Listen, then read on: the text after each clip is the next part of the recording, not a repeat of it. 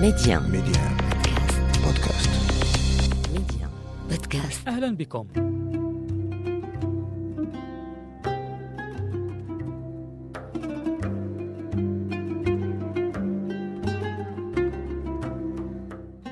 لغة لها قدرة عجيبة على أن تأخذك من ركن الرقة والأنس والإمتاع حيث يرق قلبك وتنفتح أساريرك.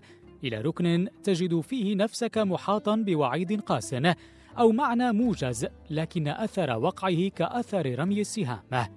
كل هذا تفعله العربية ويزيد. لغة مطوعة دقيقة موجزة توفي المعنى. وإذا أصغيت بروحك لوقع كلماتها وتعابيرها طفت روحك.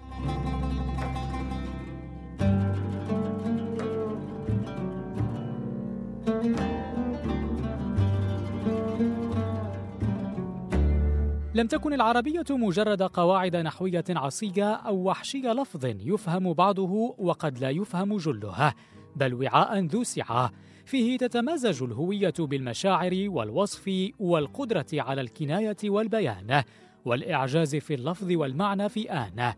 مرونتها لا تضاهى، ليزيدها الإسلام جمالا وإحكاما بنص قرآني أريد له أن يكون عربيا. اليوم في العدد المخصص للعربية والإسلام أيهما خدم من؟ نخصص الجزء الأول لمرحلة ما قبل ظهور الإسلام. كيف بدأت العربية؟ كيف تطورت؟ وكيف صارت لغة سماوية سامية؟ الإنصات إليها متعة وتعلمها متعتان.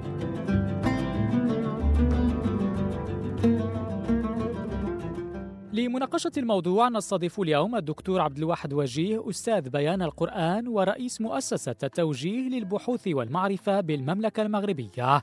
أهلا بك أستاذ وجيه وشكرا على قبولك الدعوة. أهلا وسهلا الله يبارك فيك قبل أن نستفيض في النقاش دكتور وجيه حول الإسلام واللغة العربية أيهما خدم من لابد من الرجوع بداية إلى مرحلة ما قبل الإسلام إلى ما سمي لاحقا بالجاهلية.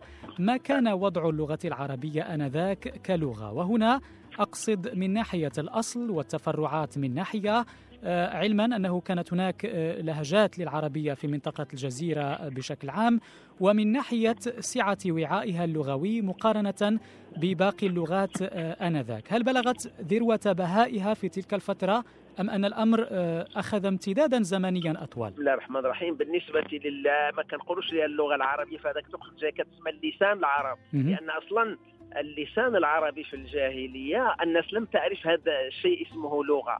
لأن العربية باعتبار باعتبارها لسان هو الجانب الأدبي وهو اللي كان في الجاهلية وحتى في الإسلام. والعربية باعتبارها لغة هو جانب تقعيدي وهذا لم يكن هذا الاسم ولم يظهر إلا في زمن أبي الأسود الدؤلي تلميذ علي بن أبي طالب. هو أول من وضع قواعد النحو.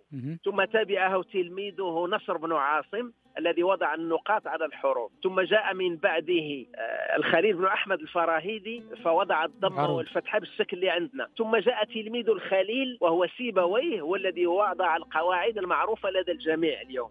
اذا إحدى بعد الأخرى. هذا شيء. بالنسبة للجاهلية أصلا إحنا كنا كنعرفوا على أن الأدب العربي ينقسم إلى أقسام. الأدب زمن الجاهلي ما لم يكن يعرف باللغة. الأدب معناه الكرم. تقول فلان اديب يعني كريم يكرم الناس. ومن ذلك قول طرفة بن العبد نحن في المشتات ندعو الجفن لا ترى الآدب فينا ينتقر. يعني في وقت الشتاء الآديب يعني اللي كيكرم الناس لا يعزل ما كيعزلش هذا يجي وهذا لا لا ينتقر يعدو الجفل كيدعي كل شيء قال اللي كاين برا. والأدب في الإسلام يراد به الاستقامة في الحديث أدبني ربي أحسن تأديب. والأدب في الزمن الأموي يراد به المعلم التعليم ولذلك يسمون المعلم مؤدب. أما الأدب في العصر العباسي العباسي اتخذ منحا أوسع معنى الفنون بجميع أمورها. كل هذا يسمى أدب. لما ظهر البحث أبو تمام المتنبي بن الرومي فالأدب توسع توسعا أكبر مما نتصور. اذا ملي كنرجعوا للجاهلية لم يعرف الشعر أصلا في الجاهلية إلا قبل الإسلام ب 200 عام. هذا هو التاريخ اللي عند العرب ككل. حتى أن الجاحظ قال إلا بغينا نعرفوا الجاهلية كيفاش كان الشعر واللسان العربي. قال الا زدنا أقل من 150 عام كنوصلوا حتى ل 200 سنة. 200 عام هذا أقصى شيء اللي عرفنا فيه لأن العرب لم تكن تدون ولم تكن تكتب. الذي جعل العرب قد ضاعوا أنهم لم يكونوا يدونون. وأول من دون وهو الزير سالم المهلهل أبو ليلى. لما قتل أخوه كليب وقال قصيدته التي تجاوز فيها أكثر من 20 بيت. فكانوا العرب كيقولوا الخمسه الأبيات ستة. هذا الراجل جاوز 20 بيت في رثاء أخيه كليب. حرب الباسوس اللي معروفة. فلما تجاوز 20 بيت اضطرت العرب أن تكتب. فالتمسوا من السريانية. 22 حرف لأن اللغات اللي كانت قبل كتعرف اللغات السائدة اللي تحفظت بالكتب السماوية. اللي كنقولها اللغات السامية هي ستة. كاين اللغة السامية اللي دوا بها آدم ثم خرجت منها اللغة الأكادية وهي أول لغة ظهرت ببلاد الرافدين. فلما جاء إدريس حرف الخط فسمي الحرف حرفا لتحريفه. ثم جاءت بعد منها اللغة الثغرينية لغة الحبشة وإثيوبيا. ثم جاءت بعد منها اللغة المهرية ومدينة مهرة. حدود اليمن وعمان. ثم جاءت بعد من المهرية اللغة الآرامية الشرقية اللي بها نزل التوراة على موسى عليه السلام حيث كاين الآرامية الغربية هي لغة أذربيجان والجهات الأخرى.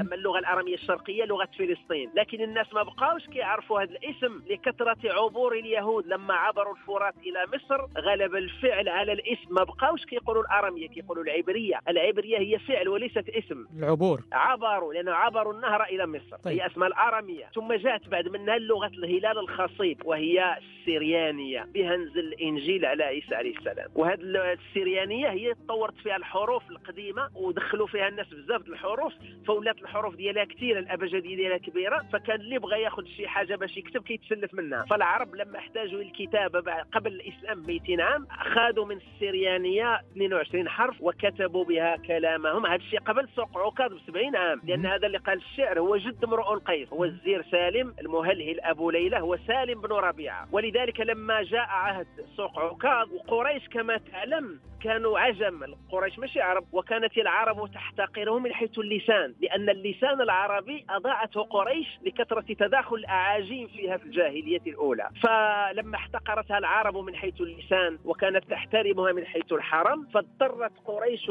أن تتخذ لجمع لسانها طريقين. الطريق الأول أنها أسست سوق عكاظ لاختبار الشعراء اللي نجح بعكاظ يدخل المجنة وذا المجاز وهذا السواق كاين في مكة وعرفات هنا فين كيبيع الشعر؟ واللي سقط في عكاظ كيدخل وما يدويش.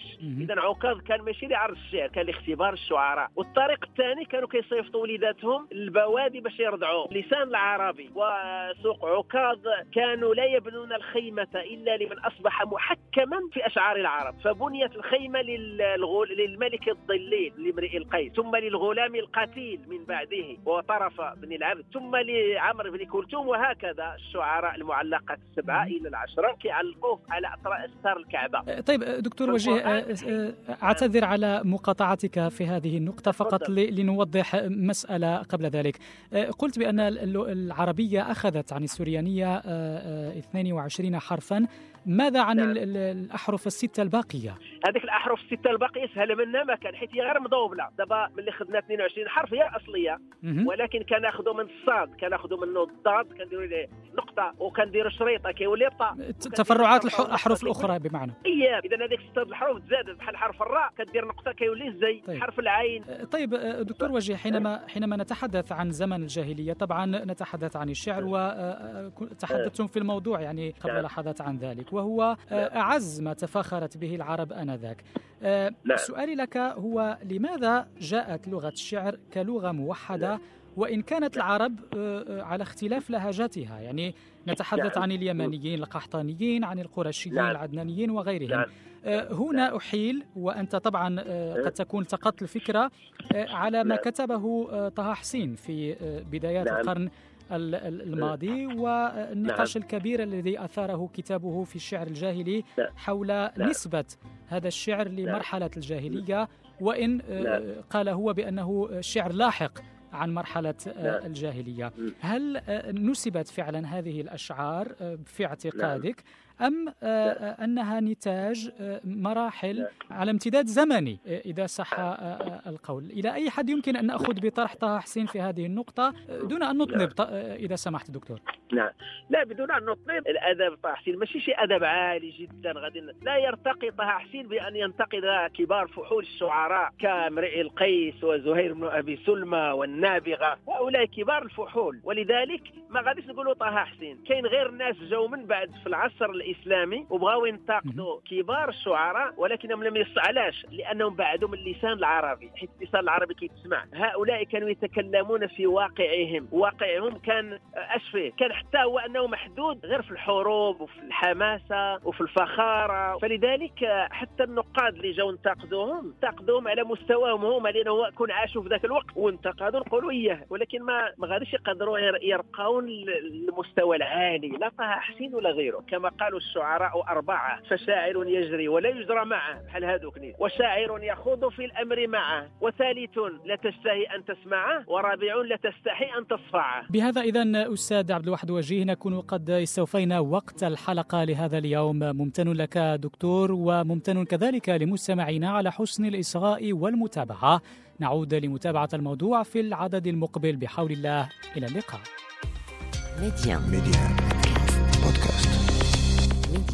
ميديان بودكاست